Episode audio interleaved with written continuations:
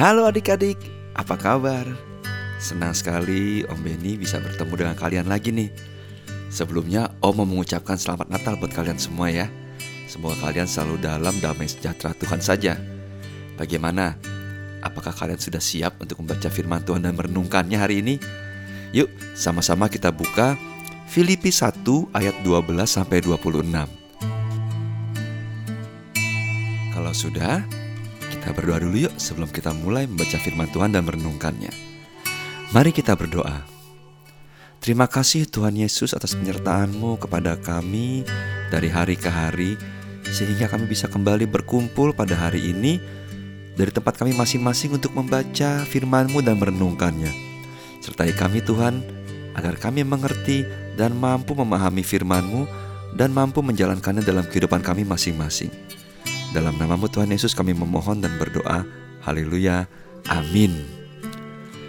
Oke adik-adik, mari kita membaca firman Tuhan yang sudah kita siapkan tadi.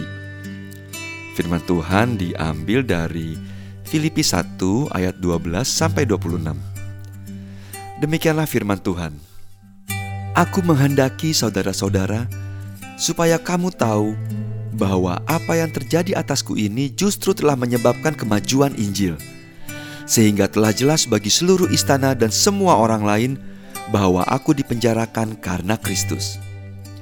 Dan kebanyakan saudara dalam Tuhan telah beroleh kepercayaan karena pemenjaraanku untuk bertambah berani berkata-kata tentang firman Allah dengan tidak takut. Ada orang yang memberitakan Kristus karena dengki dan perselisihan, tetapi ada pula yang memberitakannya dengan maksud baik. Mereka ini memberitakan Kristus karena kasih, sebab mereka tahu bahwa aku ada di sini untuk membela Injil. Tetapi yang lain karena kepentingan sendiri dan dengan maksud yang tidak ikhlas. Sangkanya dengan demikian mereka memperberat bebanku dalam penjara. Tetapi tidak mengapa, sebab bagaimanapun juga Kristus diberitakan, baik dengan maksud palsu maupun dengan jujur. Tentang hal itu aku bersuka cita, dan aku akan tetap bersuka cita karena aku tahu bahwa kesudahan semuanya ini ialah keselamatanku oleh doamu dan pertolongan roh Yesus Kristus. Sebab yang sangat kurindukan dan kuharapkan ialah bahwa aku dalam segala hal tidak akan beroleh malu, melainkan seperti sedia kala, demikian pun sekarang. Kristus dengan nyata dimuliakan di dalam tubuhku, baik oleh hidupku maupun oleh matiku. Karena bagiku hidup adalah Kristus dan mati adalah keuntungan. Tetapi jika aku harus hidup di dunia ini, itu berarti bagiku bekerja memberi buah. Jadi, mana yang harus kupilih? Aku tidak tahu. Aku didesak dari dua pihak. Aku ingin pergi dan diam bersama-sama dengan Kristus.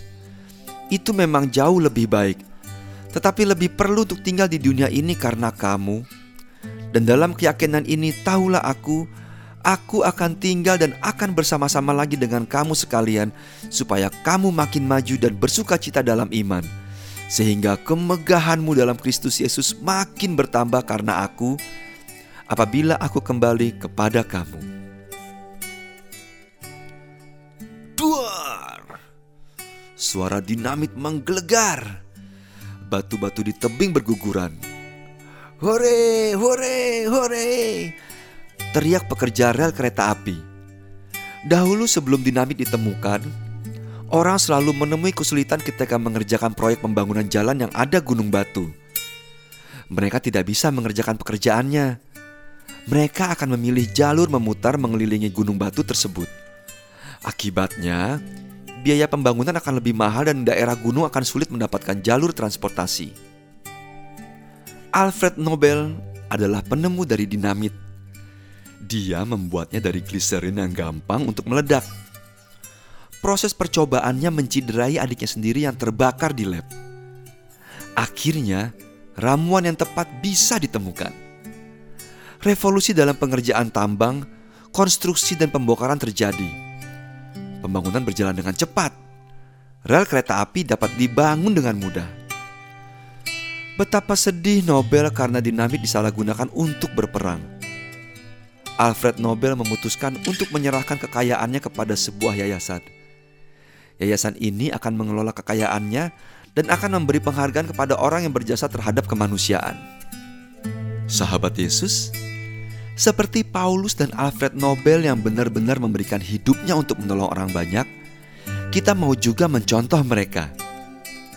Mungkin yang akan kita lakukan tidak sehebat apa yang sudah mereka lakukan. Namun mari kita dengan tulus hati mulai memberikan diri kita untuk menolong orang-orang di sekitar kita. Dengan begitu, kita bisa menjadi saluran berkat bagi orang lain. Sahabat Yesus, ayo kita ucapkan kata-kata ini. Aku mau menjadi saluran berkat bagi orang lain. Sekali lagi, aku mau menjadi saluran berkat bagi orang lain. Mari kita berdoa. Bapa di surga, kami bersyukur atas berkat Tuhan yang melimpah kepada kami. Jadikan kami saluran berkat bagi orang lain. Terima kasih ya Tuhan. Dalam nama Tuhan Yesus kami berdoa. Amin. Adik-adik, demikianlah pembacaan firman Tuhan dan renungan kita hari ini. Semangat terus ya adik-adik untuk berbuat baik dan menjadi berkat bagi banyak orang di sekitar kita. Salam sehat selalu dan Tuhan Yesus memberkati. Sampai ketemu lagi. Bye.